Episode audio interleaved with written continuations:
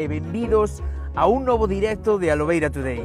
Primeiro de nada, teño vos que pedir desculpas porque a veciña deulle por cortar a silveira hoxe. Entón, temos motoserras de fondo. Eh, é o que hai.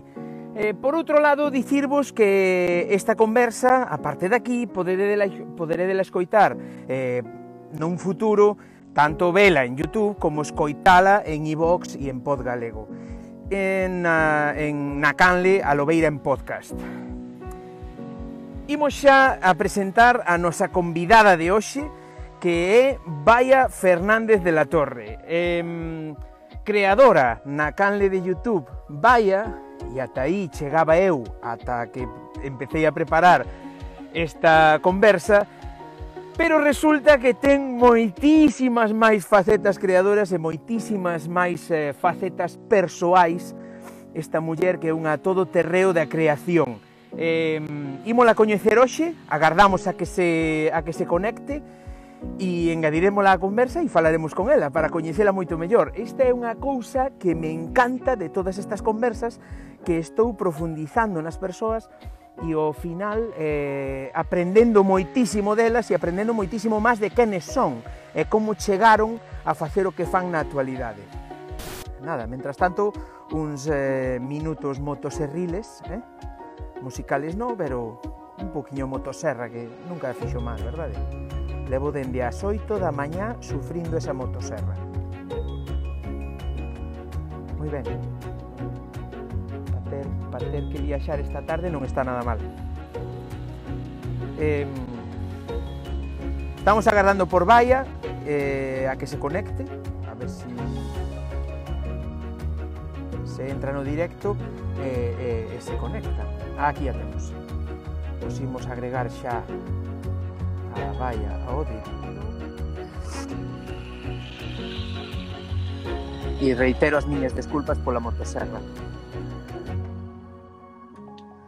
Vaya, benvida a Lobeira Today. Moi ben hallada. Estou mirando a que están. Que non me puxera os cascos. eu teño eu, poder, eh, que conste. Eu a ver teño se... o plumón este para quitar o vento, para que non entre o vento. Cando me lembro, sabes, cando me lembro de cargar o móvil, poido usar isto. senón como, como son da mazá, pois pues, non, non pensaron ben os de Apple isto. No, xa, pois pues eu non vou... Pois, pero ti escoitasme ben así? Sí, sí, escoitoche ben, escoitoche ben. Eh, benvida a Lobeira Today, encantado de poderte coñecer, inda que sexa eh, digitalmente, e eh, queríache facer unha pregunta, a, a, bueno, a primeira é a pregunta de rigor nos directos da Lobeira, se che gustan os chícharos ou non? Por suposto, of course. Ata Diez. Hasta, ata plantas chícharos. E chamanlle na zona de Moraña, chamanlle chícharos ou corren por outro nome? Mira, aínda que eu estou aquí ao lado, eu son de Cuntis e os chícharos plantas en Porto. En Portas chamaselle chícharos, en Cuntis hai quen lle chama chícharos e quen lle chama guisantes. Ah, vale, vale, vale. No, porque sabes que hai unha zona de Galiza, non sei onde é, que lle chaman ervillas. Pois aquí ou non é ou Herbellos. Herbellos é máis na zona da, da Mariña contra, contra, contra Asturias. Bueno, quitada esta puntualización, primeira pregunta de rigor que ata hai unhas horas eu pensei que era un, que era un, un alcume e non, é teu nome, vaya. Vaya é meu nome, sí, señor, claro que, que sí. Que nome máis guapo, tío. Grazas. De onde xurde ese nome? De onde ven? Que, que, que orixe ten? Pois é o nome dunha santa. Eu non me, non me quero meter ca xente que é historiadora, pero a mí unha mestra de historia, que era, que era clienta da peluquería, unha vez díxome que era a santa máis antigua da Península Ibérica. Que me dís? Sí, aí, aí queda, aí o deixamos. Mira, eu vou te contar unha anécdota co do meu nome, porque a mí me, me chaman de todo, Valla, Bahía, xa me teñen chamado Borja, Borja todo, ¿no? Pero o máis simpático é que, claro, é o nome dunha santa e hai moitos sitios que se chaman Santa Baia. En Galicia hai montóns de Santa Baias. E, e unha vez, nunha entidade bancaria, que eu non era clienta dali, fun a facer unha xestión, entón a, a rapaza que me atendeu, ai, que nome máis bonito, ai, como me gusta, non sei que, ah, pois pues gracias, tal. Ai, pois pues como teño unha filla, se lle vou a poñer, porque que nunca escoitara, porque, mira, así media hora, jabando o nome. Eh, entonces dime, mira de onde ven. Que significa? E digo, eu, mira, o nome significa ben falada. E ben de Santa Baia. E de repente empezas a poñer pálida e digo, este que llevo. Dime, ai, que vergonza, non me vas a creer. E dixo, eu, por qué? Ela era de Santa Baia de Catoira. Eh, e non sabía, e, e non sabía a orixe. E porque a xente que vive en Santa Baia ou que coñece Santa Baia coñece así todo xunto, como nome de sitio, Santa Baia. Non se lle ocurre pensar que é Santa Baia, dúas palabras separadas, e a outra quedou toda colada. Pois sí. Bueno, dicía, dicía na presentación, eh, non, non andabas aínda por aquí, que sempre me sorprende cando fago a, vámolo entrecomillar, a, a, a, a investigación inicial no para, para facer estas conversas, porque tampouco me gusta chegar a peito descoberto, que dame moito medo quedarme en branco ou quedar de estúpido, no pois eh, dicía que sempre me mola atopar moitas máis cousas sobre a xente coa que vou a falar.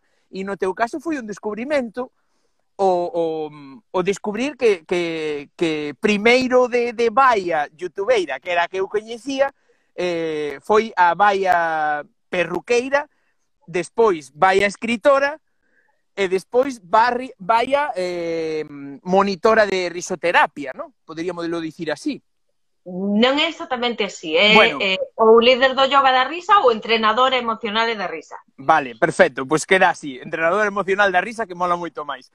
Pero primeiro quería che falar do tema da, da, bueno, da perruquería que, que ti como que a heredache, non? Sí, esa, que consta, esa... que teño que decir que a, a primeira valla é a valla paxareira, porque agora sí? hai YouTube cando era adolescente non había YouTube, pero facía as mesmas cousiñas que fago agora no YouTube, facía no instituto, na cafetería e a abertas, ou seja que a paxareira naceu primeiro. Eh, sí, heredado é o oficio, porque sí. na miña casa eh, miña aboa foi unha desas mulleres emprendedora moi valente, que miña abuela conta que naceu no ano 104. No ano? No ano 24, no 1924, naceu miña aboa. Sí, miña sí. aboa casouse, tivo o meu pai e despois foi a estudiar peluquería. Ela era de Cuntis e iba a Pontevedra a estudiar peluquería, pasaba o día ali. E foi a primeira perruqueira que houve por aquí na contorna. E despois de ela veu meu pai, que tamén iba para maestro, pero suspendeu as matemáticas a propósito porque el quería ser perruqueiro e logo toda a familia, vamos, miña nai que se casou con ela, acabou tamén na perruquería, e algunhas de miñas irmáns e eu, pero bueno, agora a peluquería que o sigo facendo, perruquería e maquillaxe, pero solamente para cousas como para o teatro, para audiovisual, publicidade, así, o que xa non fago é o que é o traballo social. Vale, vale, vale. E, e eh, no 2016 presentas o teu primeiro libro, teño aquí anotado o, o título que é Unha viaxe de ruminantes, que é de poesía. No 2015 foi eso. No 2015. Vale, do 2016 é Ortigo que eu lín. Pode ser. Eu, mira, eu deixo unha cousa, porque me ten pasado con máis xente. O máis práctico, cando ti queres investigar, chama a persona que vas a entrevistar e preguntalle a súa vida, joder. Sí, pero dá rabia, porque a mí molame moito sorprender a persoa. Si, si che digo, si che digo primeiro, si che digo primeiro de que podemos falar, perde perde salsa, perde esa sonrisa que tes ahora mesmo, no? de dicir, mira, mira que me preguntou, mira que erro cometeu, que tonto é. e, e, iso, e iso mola me moito, ao final sí que me mola, o sea, non me, non me importa que me corrixas porque está claro que eu non son nin investigador, nin periodista, nin nada disto. Eu só fago isto porque me mola facelo, e punto. Entón, claro, eu fago a miña investigación así un pouquiño, non, moi pouco, tampouco chego moi a fondo, teño 10 liñas apuntadas, pero, pero sí que me mola non ir sabes, porque ao mellor si che pregunto, corro o risco de que non me contes ao mellor unha cousa que sí que me parecía interesante. E certo claro. é que todo o que apuntei era interesante, non? Entón, eh, no 2015 dis, eh, presentas o teu libro, que estou vendo a ilustración aí detrás túa, a ilustración da, da tapa do libro, non si? Sí, esta é a ilustración da capa que fixo María Tizado, que é unha artista, ademais, moi amiga miña, que fai unha cousa que se chaman retratos del ser. Eh, é moi curioso porque foi froito da casualidade. Ela nun principio non iba a facer a portada, pero xurdiu nunha conversa e ofreceuse, eu encantada, claro. entonces ela pinta retratos donde non intenta expresar os rasgos propios físicos da persoa, senón que o que intenta expresar como é a alma de esa persoa. E eu aseguro que a primeira vez que vin esta imaxe emocioneime porque eu recoñecime, eu dixen, é que eu por dentro son así. E, Como mola. Pois, é un libro que ademais ten moito esa ilustración porque é un libro que, que fala de min, así de claro. Fala, escribino para min, escribino como para sacar cousas que tiña dentro e fala da, precisamente unha viaxe ruminante que é a viaxe que eu fixen cara ao meu interior, aínda que hai capítulos, hai algún capítulo ou algún textos en donde eu falo sobre cousas que eu sorbo, pero bueno, falo desde a miña visión de, de como esa escena que eu estou vendo pasa a través de min e logo, bueno, pois, que ainda que describa un, ca, un caso de outra persoa, está, está deixando a miña pegada tamén, non? No, o único que tes na túa canle de YouTube sobre ese libro é o primeiro vídeo da canle. É o único, a única mención que hai a calquera creación túa eh, literaria. O resto xa son as túas opinións e todos estes vídeos de moito máis adiante que comezache no 2018, pode ser, 2019. En realidade comecei antes, o que pasa que eu eh, os vídeos subías a, ao Facebook, non? Eu, sí. eh, primeiro, cando non había redes sociais, mandábamos os vídeos entre nós. Vale, que hai nalgún ordenador por aí haberá algunha reliquia que o día que me saque eu vou caer. Pero eu despois fixen a canle de YouTube por unha señora que me pareceu entrañable, eu subí os vídeos ao Facebook e ti agora podes eh, descargar un vídeo, pero antes non. En principio non. Entón, había unha señora que vivía en Barcelona e que era quería mandar os meus vídeos por WhatsApp ás súas amigas ou a familia delas e tal. E, eu, como podemos tomar a pantalla, a señora Decíame que eu son maior e que claro, se me puxeras no Youtube era moi moi fácil, entón por eso fixen. Collí, xa tiña ese vídeo subido, a can le tiña, porque subir ese vídeo que ti, que creo que era de... Bueno, non me acordo. Eh, o Un segundo eterno, me parece que é o que hai. Sí, Un segundo eterno, é eh? o, o anaquiño do poema que o narras ti e, eh, e, eh, e ten unha foto moi chula dun solpor. Esa, a foto é unha foto de miña irmán, unha foto que sacou miña irmán que vive na Coruña e, e durante un tempo encantaba de ir a sacar fotos do solpor e máis das nubes. Entón a foto é dela e a música de ese en concreto eh, creo é de Fran Gorri. Eh, sí. Igual está Miguel Tenorio por aí tamén, o sea, Miguel Fraguas, perdón. Eh, e bueno, aproveitei que... É de, é de Gorri, sí. É de Gorri, ¿no? Sí. Sí. Eh, aproveito que tiña ya sacarle, entón empecé a subir aí vídeos que xa eran máis antigos, non? Pois que me pedira e pois muchos subín aí. non, son, son vídeos que foran top 5 en Facebook e dixen, pois vamos a meter aí. E, e así. Digo, digo, eh, aparte dese libro de poesías, no, que falábamos, tamén tamén escribiche unha obra de teatro titulada Puntada sobre Puntada, e un libro que che ilustrou Leandro, que vive aquí en San Sadurniño. Pois mira, a, o que é esa peza teatral, en realidade, ten unha parte de textos que están recollidos en unha viaxe de ruminantes e outra parte de textos de outros artistas. Quero dicir, no, non está escrita íntegramente por mí.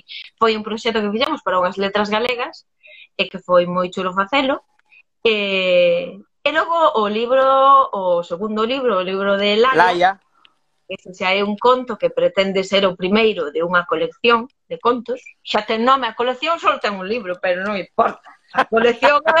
bueno, bueno, di tranquila porque aquí aquí vais a ir eh, dentro de nada esta semana no YouTube a entrevista con Gabri Fuentes que ten o orgullo de ter o primeiro podcast sen podcast cojonudo. Ten a, ten a primeira canle, a primeira canle de podcast é, é performática, porque ten a primeira canle de podcast sen ningún capítulo.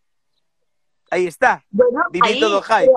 intriga, expectativa, entendes? Está xerando aí auténtica intriga. Bueno, están todo o mundo aí cos pelos de punta agardando que, que chegue o rollo. Entón digo, Laia nace como... A... O de Leandro foi para mí un soño, directamente.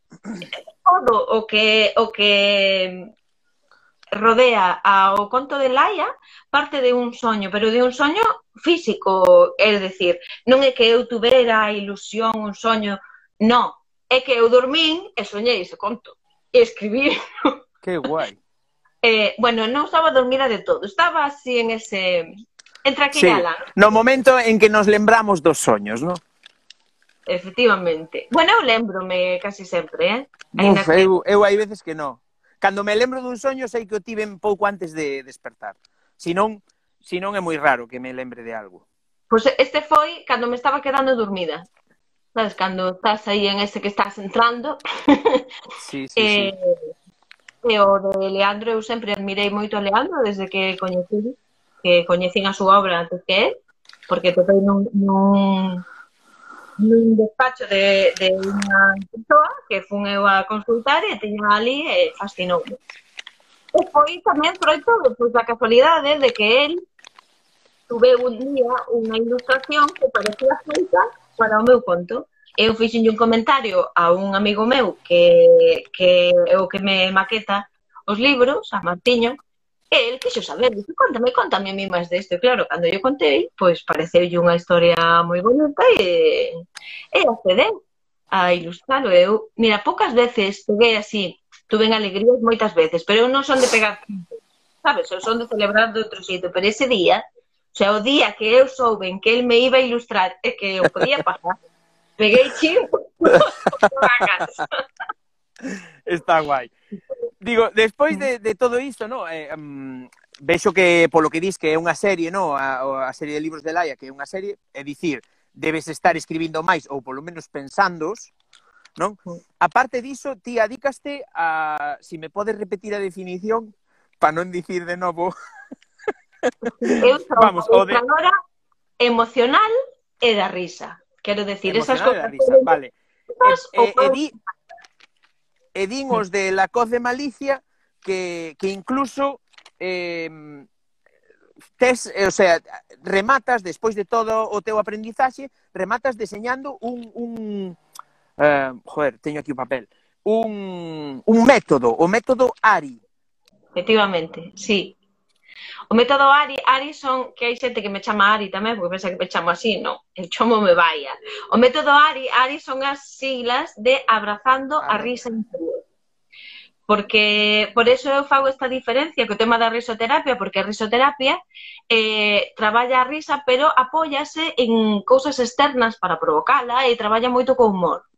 Eu son unha gran consumidora de humor, hai quen di que incluso creadora, pero eso di normal as lenguas, pero realmente cando traballo coa risa, eh, realmente traballo sin humor. Nos meus talleres non se utiliza o humor para buscar a risa, porque buscamos a risa Porque a risa é algo innato que ten o ser humano. Un bebé na barriga da nai xa se ríe. E ninguén lle contou un chiste ao bebé ese.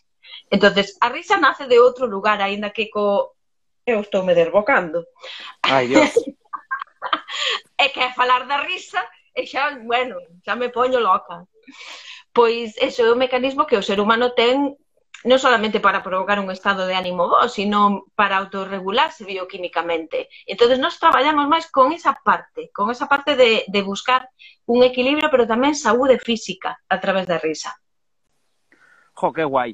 Pois... Eh... Se pollo, eh? O sea, como, ti como, como, como? Avísame porque eu... eu que va, que va. Si, si, eh. no, si nos vamos... Si, si nos imos quedar nos imos quedar moi cortos porque tampouco te creas que preparei moitas preguntas máis. Entón, entón eh, en que momento en que momento mm, te descubres porque dis que comezache primeiro en Facebook colgando vídeos e logo resubíchelos a, a YouTube. En que momento foi que comenzache a facer estas opinións marca da casa xa, porque vaya eh, ten unha marca super super característica que son estes vídeos en vertical, as pausas, a retranca. En que momento, en que momento comezou esa, esa creación? Mira, é que eso ven sin querer, porque ademais eu son a mostra fehaciente de que se pode ir en contra do sistema. O sea, que che din os expertos? Os expertos dinche, ten unha buena imagen, xa para empezar, dijo xo castellano porque os expertos todos son de Madrid, eh? todos, son, todos son castellanos, sí, sí, son castellanos todos. Tens que tener unha buena imagen. Eu a maioría das veces estou sin peinar. E ca cara Tienes que poner el vídeo en horizontal, siempre, e eu sempre en vertical. Logo dinche vídeos de tres minutos, nunca pasar de cinco, eu teño vídeos de 18. Non che digo máis. O sea, fajo todo ao revés hai que falar correctamente, hai que ser... De... Eu paro, fago como me dá a gana. E ainda así, pois teño sorte de que se te me acompañan. Eu que sei. Non sei como naceu, eu naceu porque... Mira, a mí hai cousas que me ponen de mala hostia. Eu sempre fui moito de falar. Toda a vida fun de falar.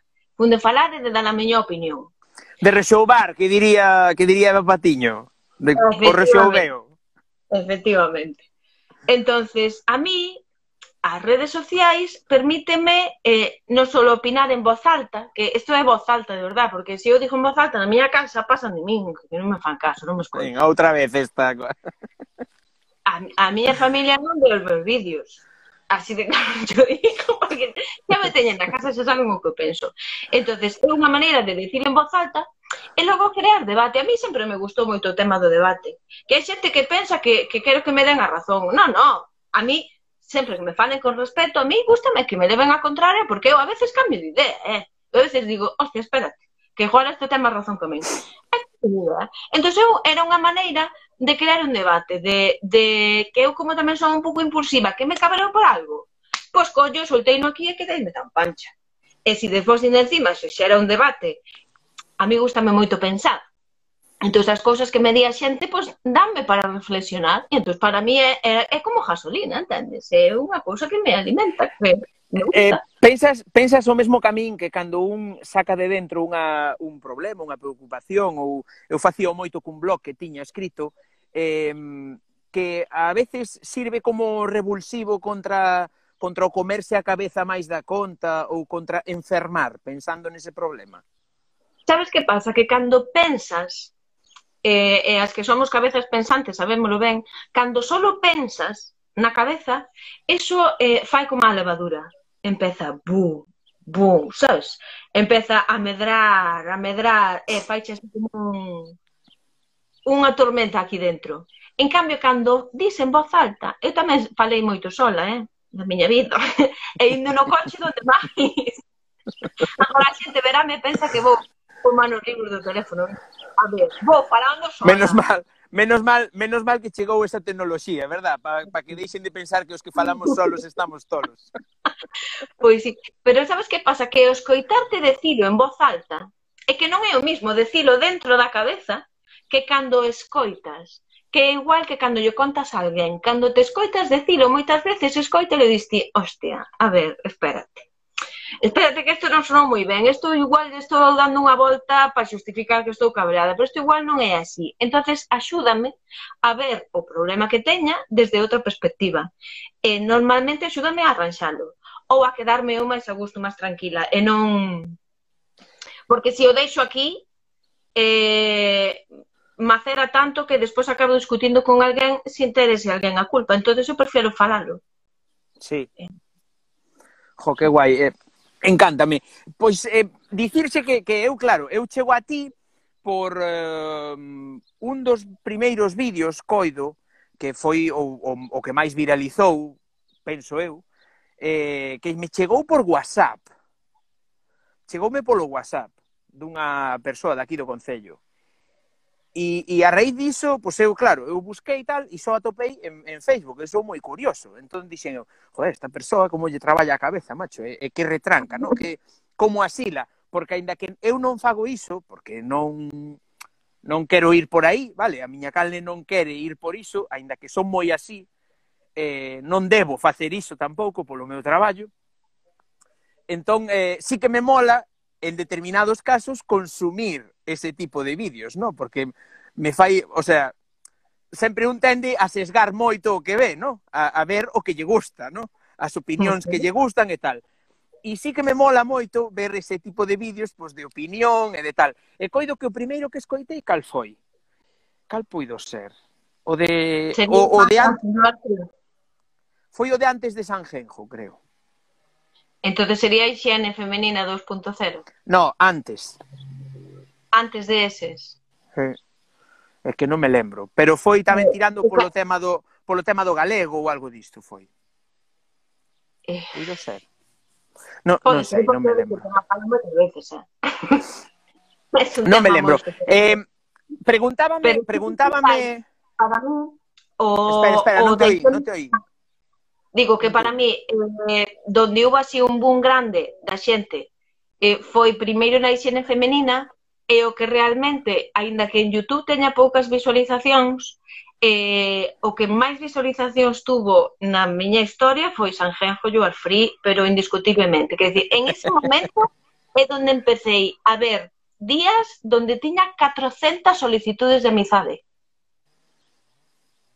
Eh, de, de mm, separas, tendes a separar as túas redes, a túa rede personal, eso persoal, e a túa rede como vaia, é, é libre? Ou, ou dache o mesmo? A ver, eu intentei. eu intentei separar a persona a chafulleira, a ver se me entendes.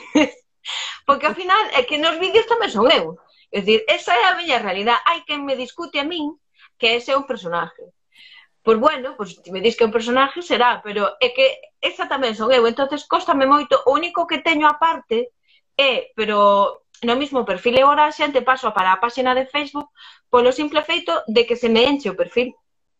Entonces, o sí, que non vou a facer... ten un límite, verdade? Claro, dicía, o, dic, dicía o Pedro Brandarizo Benres que, que tivo, ten, Pedro Brandariz ten tres ou catro perfiles, como Pedro Brandariz cómico.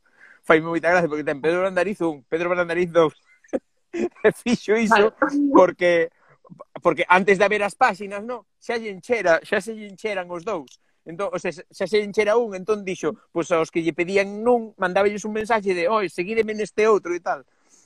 Claro, eu o que fago é, eh, toda a xente que me pide no perfil, eh, recomendolle a páxina, según, se si queren algo máis profesional, pois pues que se vayan a de entrenadora emocional da risa, e se si queren a paxareira, pois pues que se vayan a de Vaya Fernández.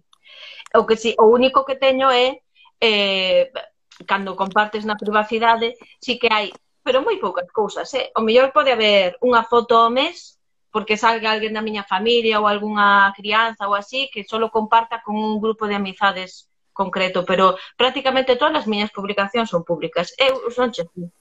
Ia, ia ir por aí a pregunta, porque neste trebello de preguntas que poño sempre o día antes da entrevista, no? con cada con cada persoa que, que falo, sempre poño, pois sabes, algunha pregunta para, para, para esta fenómena, en concreto puxen iso, non?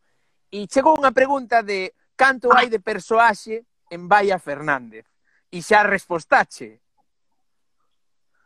É que Cero. Eh, eh, podecho decir calquera persona que me conoza pero que me conoza de verdade toda a vida. Porque ao mellor hai xente que me conoce de hai pouco e pensa que eu, cando me poño así, estou facendo un teatrillo, non? Non, O sea, eu, cando iba á escola, xa era así. a ver se me entendes.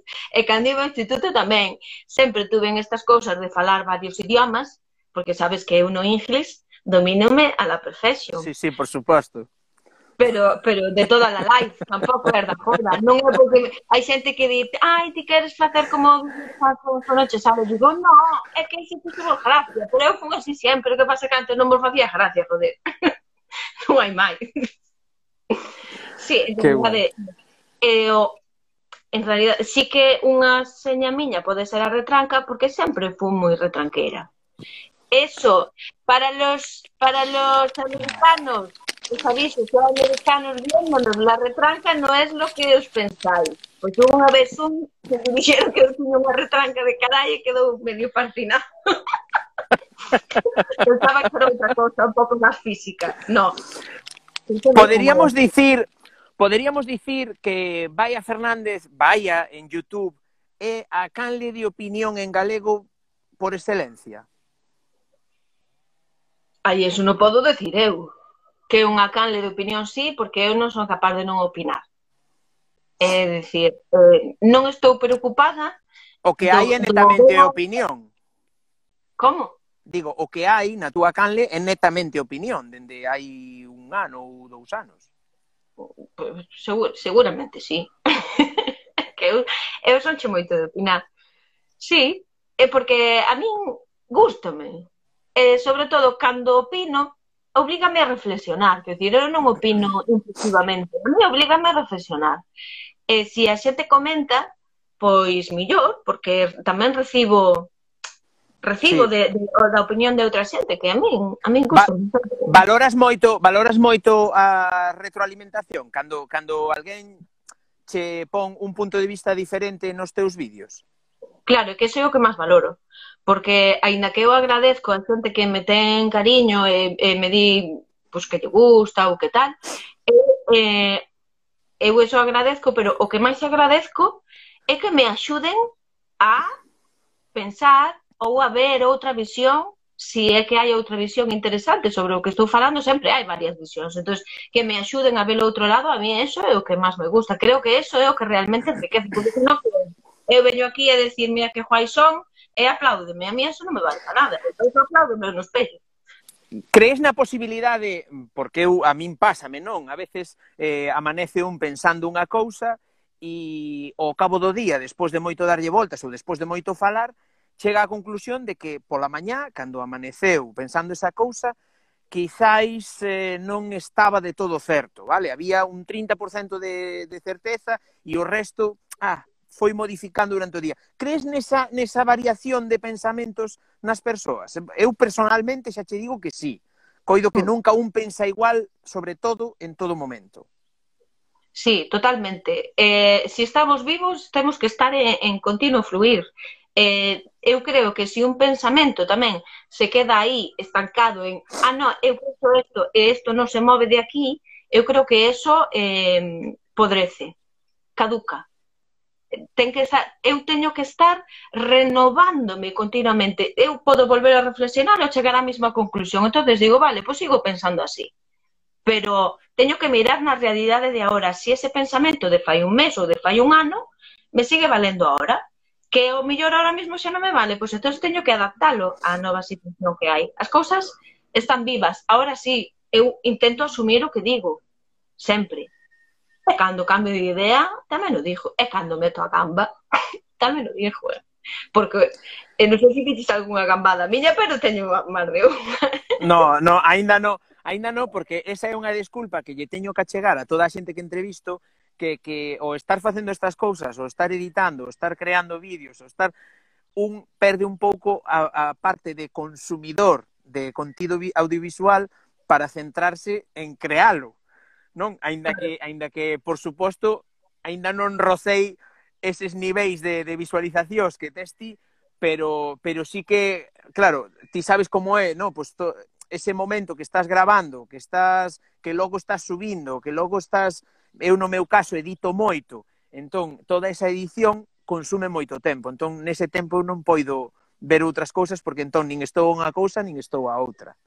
E, Esa, e non... é, outra cousa da que eu me paso polo forro que din os expertos que editen os vídeos, xa non edito nada. Depende, mira, eh, temos, temos, varios, temos varias mostras, digo, temos, moi ben, moi ben o detalle de, de, de, de tusirnos sangradoiro eh, digo, hai, hai moitas canles que apenas editan, vale, que teñen prácticamente cero edición e son exitosas, e vexámolas, Telejaita, Baia, eh, Brais do Val, son tres canles que están aí arriba, que son están no top eh, agora mesmo, coido que estades no top 10, vale? Telejaita é a segunda, Brais é a terceira canle con máis suscriptores, e ti debes de ser a oitava ou a novena, por aí andará a cousa porque cando eu fixen a lista tiñas 900 e pico, pero que agora tes 1070 sí. seguidores. Xa estás dentro dos 1000, o sea, o, o os 1000 seareiros xa, xa, xa subiche da, da, do milleiro, non? Entón, eh, eh, eh, caracterízanse esas tres canles... Tola, eh? Hai moita ¿Cómo? xente tola. Hai polo menos mar 1070 tolos por aí, eh? pero, pero, pero dá subidón. Esas, esas cousas molan moito. Eh, digo, eses tres canles, por exemplo, Telejaita, Brais do Vale, ti, apenas, eh, apenas teñen edición, normalmente é un plano fixo, no teu caso, aínda por riba, é en vertical, que é a forma máis máis eh, fácil de gravar, porque realmente é máis fácil de gravar en vertical así, nesta posición, que facer isto. Non o fago porque sexa fácil, eh? Eu fago... Non, non, refírome... Por, por, por un... O sea, ten un sentido. Unha, eh, eh Porque eu fago casi todo no móvil. E visualizo casi todo no móvil. Entonces, o móvil sem, casi sempre o teño en vertical. De feito, ti vas a ver un vídeo de YouTube e tens que coller e darlle a volta para ver un grande. O meu non. O meu ti darlle ao cuadradito aquel e podes seguir tendo o móvil en vertical e ver perfecto. Entonces, non tens a evolución, digo, a, evolu a evolución que terías que facer xa é, eh, eu, si me queres un consello, eh, é colgar os vídeos tamén en vertical no Instagram TV porque o Instagram TV naceu para reproducir vídeos en vertical. Eh, creo que teño É a razón o Instagram TV, o Instagram TV é a razón pola que YouTube sacou o modo de reproducción en vertical que agora permite ver os teus vídeos a toda a pantalla, que antes non permitía. Claro, é que é un marco tendencia. Entende? Mira pa aí, mira pa aí. Mira, eu teño a pantalla que vira, pero a miña filla, que ten 19 anos, e as súas colegas todas, non lle tenen o xiro automático a pantalla, eles só funcionan en vertical, entendes? O futuro é o vertical. Olvídate. acabaremos, acabaremos vendo películas de cine en vertical. En vertical. non sei eu. Non sabe, eh? O día que pasa acordaraste de min. Dios, o día que pase chamote outra vez. Mira unha cousa, eh, Como, como comezas eh, como comezas no mundo da, do, do adestramento emocional? Uh, eso é... Dios, esto parezco a estas bailarinas dos anos 70 que giraban. Sí, ou, ou un futbolista. Eh, eu, eso foi unha cousa moi progresiva. Eu sempre face, empecé facendo todas as cousas para min. E cando fago algo para min que realmente me aporta e que fai, crea un cambio na miña vida importante para mellor, teño sempre a necesidade de compartilo. Entonces eu empecé con outras cousas, empecé facendo traballo corporal, con, con o que agora se chama sincronía, empecé antes de eso facendo tai chi, e eu coñecín a Pilar Lorenzo, que é a, a miña mestra e agora mesmo a miña compañera eh, no proxecto que temos de Momentos Contigo, eh, esta muller a mí fíxome ver que a relación que eu tiña coa risa era a de verdad, non era que estaba tola. Vale, que eu sempre me reí un montón eh, sempre me reí tamén en momentos nos que socialmente non estaba ben visto, pero que eu non o podía evitar. Entón, a veces dixi, bueno, pues estarei eu tola ou... No, non estaba tola. de pois, la risa fíxeme coñecida. Eh, e logo fixen un montón de traballos eh, que, que tiñan que ver co crecemento persoal eh, e con temas tamén enerxéticos. E entón fun elaborando, a formación que fixen con ela foi a do yoga da risa, que ademais se repetín, non porque sino porque non volver a facer. E entonces a partir do yoga da risa, é unha técnica que a mí me parece fantástica, que, que se creou na India, quedábame como moi corto. E entonces eu, de todas as cousas que eu iba, iba facendo e a mí me aportaban algo, pois iba engadindo. entonces eh, ao final, estou creando un método que en realidad está vivo. Eu, si sigo facendo cousas que eu vexo que poden favorecer o tema da risa ou poden favorecer a comprensión emocional, a sair metendo aí. No medio de todo isto, cando eu xa levaba uns anos facendo talleres da risa e tal, as emocións é algo que a mí sempre me... A mí o que é o comportamento humano, é algo que me fascina de toda a vida. entonces apareceu pois, unha mestra a través dela, que se chama Arancha Merino, e que falaba de un concepto que é a enxeñería emocional. E a mí chamoume poderosamente a atención. E entrei aí eh, non solamente descubrín cousas que non sabía, sino que había un montón de información que eu tiña na miña cabeza que eu sabía como era, sabía como funcionaba, pero non a sabía transmitir. E entonces a mí esa, a enxeñería emocional doume unha estrutura moi clara, moi sinxela, moi simple para que calquera persona teña traballo feito personal, non o teña, mm, inda que nunca se mirara por dentro, calquera persona é capaz de comprender como funcionan as súas emocións, cando funcionan ben e cando non funcionan ben. E como poder colocalas para que haxa unha armonía, ¿no? para que poidas fluir na vida tendo por menos problemas. Así. oh, que guai. Eh, mira unha cousa, outro día falaba con Pedro e eh, preguntáballe canto tempo precisaba para, para, para vestir a sorri, o sorriso, no? Eh, eu eu sempre digo que preciso para ser persoa, para, para activarme e para ter esta enerxía que se ve nos meus vídeos, preciso dunha hora. Normalmente, si, si, si teño que estar activo e, e sorrinte e positivo ás 10 da mañá, pois eu ás 9 teñome que erguer. Porque uh. si me ergo, si me ergo ás 9 e media, ás 10 aínda non estou todo contento que debera. Eres das persoas que te, que te ergues cun, cun sorriso na boca ou tardas un tempo en, como digo eu, en resetear? Mira, ti igual non o coñeces, pero eu estou facendo un clube. Eu vou polos colexios e por sitios onde me chaman levando unha cousa que se chaman os risonantes. E os risonantes é un clube de persoas que temos como misión estender a risa polo mundo. Entón, eu o que fago é facerlle o adestramento. ¿no? De como, como se crea un resonante.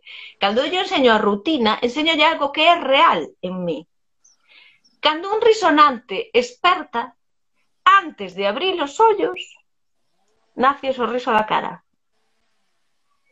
E iso eu entrenei, non é? Eh? Quer decir, eso seguramente saía solo cando era nena, pero logo deixou de sair.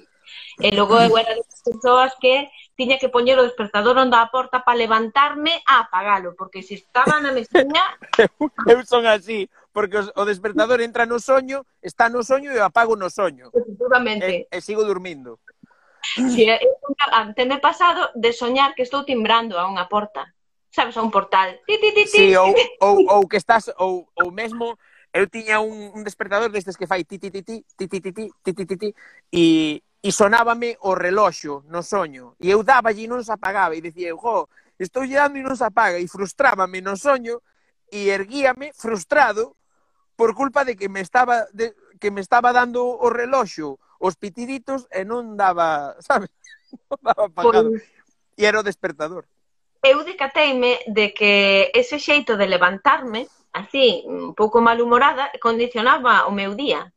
Logo descubrín que hai estudios que o certifican, non? Pero eh, eu foi algo que experimentei en mí, dixen, non, é que eu isto teño que cambialo. En aquel momento a miña filla era pequena, ou xa hai uns cuantos anos. Entonces, como xa había móviles, eu empecé a despertarme cunha música do móvil, pero a música non era das que traían de tirilin, lin, lin, lin, lin, lin, no, puxen a ela a cantar. entonces cantaba unha canción que nos nos inventamos sempre cancións, ese é outra cousa que fajo eu, inventar canción, entonces esco despertábame escoitando a ela cantar. eso iso xa me provocaba o sorriso. A día claro. de hoxe podo, podo me despertar con calquer sonido, non? De feito, a día de hoxe sona un sonido do móvil baixiño e xa me desperto. Non, non teño ese problema de ai, de apagalo sin darme conta. Non, eu xa me desperto ben. Pero é certo, a mí agora, eu entrenei, no e agora, desde hai moitos anos, saleme o sorriso na mañá.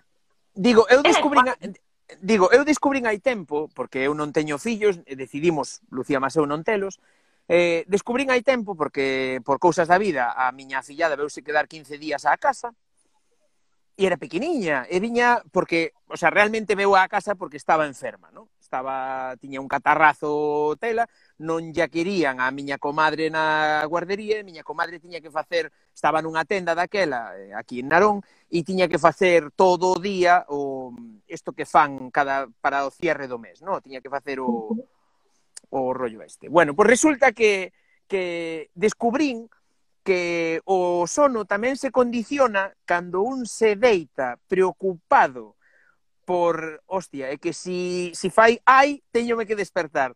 Tamén se pode condicionar antes de deitarse, porque eu lembrome que a escoitaba tusir unha vez e xa estaba ali pegado. Sabes? E, e non, xa che digo, non son pai, non, nunca tiven esa necesidade, non? Pero sí que durante estes 15 días foron, o principio sobre todo, que era cando máis acatarrada estaba, non? os primeiros 3-4 días, foron entrañablemente horribles, e estou entrecomillando, vale? entrañablemente horribles porque ás dúas da mañá a nena tusía e había que ir cos sacamocos a quitarlle os moquiños, sabes, para... E dicías ti, dicías ti, jova, como, como se pode condicionar o sono dun, dun tronco, porque eu era un tronco dormindo. A min veu unha vez meu cuñado a pegarme un bocinazo destos de aire na orella e dis que me rin, eu non me lembro. Dis que me rin e, di, e dixen, que cabrón, e seguín dormindo sabes? O sea, como pasa un diso, no, de, de ese sono tan profundo a ter ese sono tan leve condicionado simplemente porque hai unha criatura enferma e ten que estar pendente, non? Bueno, mira, eu cando era rapaza, eu acordome de levantarme un sábado pola mañán e meus irmáns falando de que ardera a casa dunha veciña. E Eu non yo creía, pensaba que era trola. E, e, pero era verdad. Todo o vecindario axudando a pajar o lume e vai a dormindo, porque eu non me enterei. Así bueno, eh, eh, teño que contar outra.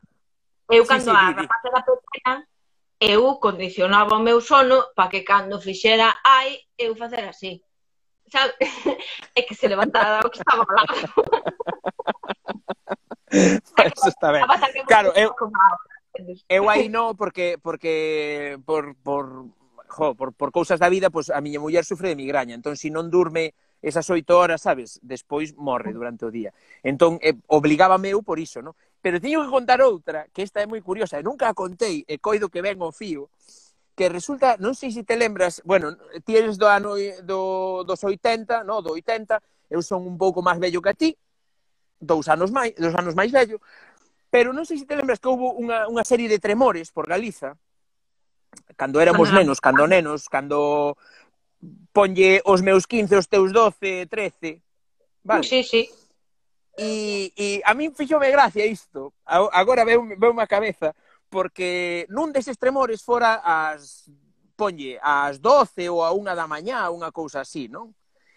E contábame miña nai, mira o que che vou dicir, contábame miña nai que cando xa estaba todo o vecindario fora da casa, sabes, no camiño de diante da casa, preguntou meu irmán pequeno, preguntou, e Fran, E dixo miña nai, ai, Fran está en cama.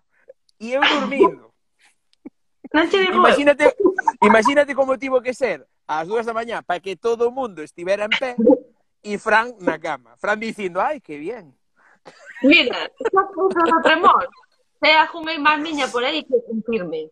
Unha vez hubo un accidente, do que eu tampouco me enterei, pero que o máis simpático non é que houbera un accidente por aí, é que un coche se empotrou contra a nosa casa. Si está aí Marcela, que lo cuente, por favor. Pero máis tampouco se enterou.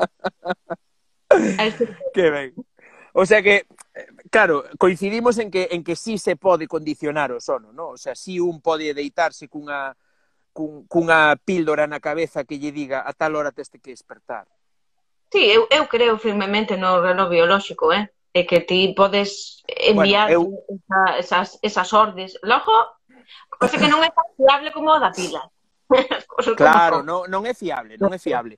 Pero, pero si, un, si un se deita cando se ten que deitar, eh, eu coido e adestreino moi ben en, en Holanda, cando estive tres anos en Holanda traballando, o, o reloxo biolóxico funciona, funciona perfectamente.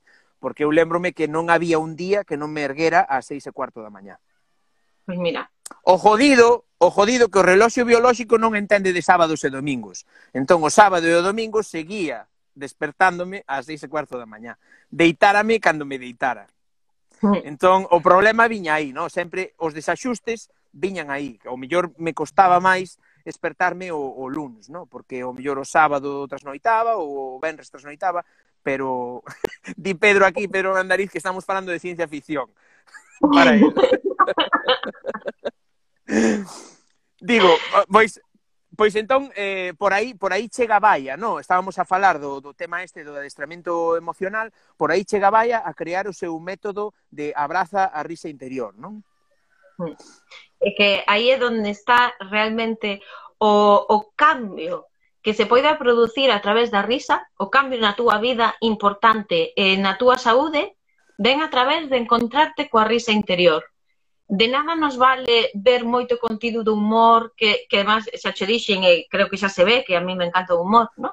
eh, de nada nos sirve estar vendo moito contido de humor se non somos capaces en algún momento de conectarnos con esa risa que non temos dentro eh, se non somos capaces de rir polo simple placer de rir sin que haxa nada no que se teña que apoyar sin que haxa nin ningún pensamento externo ou, ou ningunha condición externa que nos provoque risa. Pois, a veces dame risa e dame gusto e sigo me rindo. Non sei, algo que, que xa aprendimos a facer en familia. Un empeza a rir, empezamos a mirar e os outros acabamos perrechándonos a risa e nadie se pregunta a ti de que te ríes. Que importa?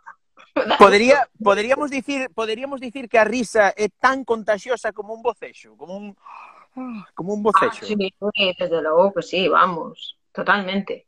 Sí, a risa é moi contagiosa, as neuronas espello aí traballan ben, o que pasa que hai xente que se non a, que se a ten reprimida, en vez de risa cabrease, pero... Digo, a que máis, a min, persoalmente, a risa que máis me contaxa é as do, a dos nenos pequenos, no? Cando os nenos pequenos se ríen desto que son sí. super escandalosos, además, normalmente ríndose, no? pode ser a, a risa que máis me contaxa e o mellor nese momento estaba pensando nunha moinada miña, estaba de mala hostia tal, e vexo a miña sobrinha que se, des, que se descaralla, no? de repente, estas esta risas super animais, no? E, e, e, e venme, a, venme o sorriso a min a, a, a faciana, no? tamén, e, e quedo como, como, non sei, pois se queda un ben, no? E preguntaste Dame... No, no, no, nunca me, nunca me preguntei, pero, pero sí que me gusta, o sea, podo dicir que me gusta sabes, non, non cheguei a ese punto de preguntarme por que pasa iso, no? Pero... Pues, pues, sabes que eu son de dar aquí, entendes? Xa, xa. Pero Iba che... Probablemente porque as crianzas eh, non teñen as, os patróns mentais que temos nós, son moito máis espontáneos, moito máis naturais, están moi conectados con esa risa interior, que é a que máis contaxia, moito máis que a que, a que fabrica a mente. Mm. Que che vai dicir? Eh, acabámonos de merendar eh, 50 minutos, eh? de falada. Como que en di, como que en di, dicía un compañero meu, como que en di trompeta. A vale. mí isto non me dá nada, eh? Entón, entón vouche pedir, porque últimamente sí que é certo que estou acotando estes directos a unha hora, porque máis dunha hora pareceme... Non sei, non... non no, eh, cando o revisiono, non me gusto pasada a hora. non, me, non me chama tanto. Entón, iba a pedir nestes últimos oito minutos que temos si mm. nos podes dar un consello para pa, pa polo menos poñer un sonriso agora e tentar adestrar ese consello e poñelo máis veces. E para poñer o sorriso é moi fácil. Mira, non fai falta ni que te mires ao espello, pero se o necesitas, mírate. É moi fácil. Ti deixas a túa cara relaxada, respiras profundamente, pensas, eu que sei, no Dalai Lama, no que tigueiras. E empezas a tirar. Imaginaste que tes unha cordiña de cada lado, empezas a tirar er dun lado, er do outro, e despois dos dous, e xa che queda. Quero decir, non hai nada que facer para o sorriso máis que querer. E hai algo que sí que me gustaría decir rapidísimo. Cuidado. Nah, temos tempo, temos tempo. Temos oito minutos aínda, eh? Bien. Sete. Non me dan nada, pero... Mira, hai eh, unha teoría que, que iniciou Darwin, eh, logo comprobouse máis adiante, pero é a teoría da resposta facial. Eh, se nós non expresamos a ledicia no rostro, se nós non sorrimos ou non nos rimos, o cambio por dentro non sucede. É dicir, se a mí me un experimento que paralizarme os músculos con votos, os músculos da cara, e me dan, de repente, dime que me acaban de tocar 30.000 euros, non vou a ter a mesma resposta cerebral, ni vou a segregar as mesmas sustancias como as endorfinas, estas cousas guais, porque non hai resposta facial. Entonces, eso dentro das conclusións que hai dese estudio é que nós rimos cando somos felices, pero somos felices porque rimos. Porque rimos. O sea que ao final é unha poderíamos decir que é unha pescada que, que vai pre, que vai perseguindo a súa a súa cola, non? Si, sí, si, sí, un, totalmente. si un non ri, non é feliz, e se un non é feliz, non ri. Efectivamente. Dios, que, que, que trascendental, oh, que trascendental nos quedou isto. O sea, para que vixades, para que vixades que pode pasar calquera cousa nos directos da Lobeira. Podemos ter dende, eu que sei, dende unha historiadora experta en, en, en cemiterios, como tivemos ao principio, ata unha youtubeira opinadora, perruqueira, escritora e entrenadora emocional e da risa, como é Vaya Fernández de la Torre. Eh, nada máis, Vaya, non, non che como máis tempo porque, porque sei, como xa dixen aí atrás, sei o que vale o tempo das persoas. Moitas grazas por ter pasado por pola Lobeira, xa ves que temos a Lobeira, pensaba que iba a chover, pensaba que ia chover, pero ao final respetounos, aínda que estou aquí debaixo do meu pino. Era unha pregunta que che tiña que facer, así rápida fagocha. Eh, xa escribiche un libro, xa tiveche descendencia, plantache árbore? Plantei, plantei, castiñeiro. É dicir, xa estás plena. Xa podo morrer, calquera día, xa como É e de morrer, e de morrer entendo unha persoa como a ti, positiva, e, e, e eh, que se toma a vida con moita retranca de morrer, morrer cun sorriso, non? Home, podendo ser. E houve un momento que me pasou unha cousa que pensei que iba a morrer, dixen, hostia, desta paxarada non, joder, eu morrer por algo importante, pero por esta parida morrer non, eh? Que morrer con, con gusto. bueno, pois, Odito, moitísimas... Falar contigo e estar na Lobeira eh, porque agora xa vai a ser, escribo un libro, planta un pino, ten un fillo e entra nun directo da Lobeira. Se si non te lo guai. cuarto non vale. Ah, pois pues bueno, pois pues deixámolo aí. Si non te lo cuarto, non hai plenitude. Eh, Odito, moitísimas grazas por atender a chamada, tan rauda, tan veloz e, e tan ben. E, eh, e a todos vos que estades vendo isto, darvos las gracias eh, perdón, vou volver comezar. Darvos las grazas por pasar por este directo, por querer tamén coñecer a Baia como quería eu, porque sí que é certo que me chamaba moita atención esta muller, e, eh, e nada máis, como digo sempre, vémonos noutra e apertas. Bicos, grazas. Chao.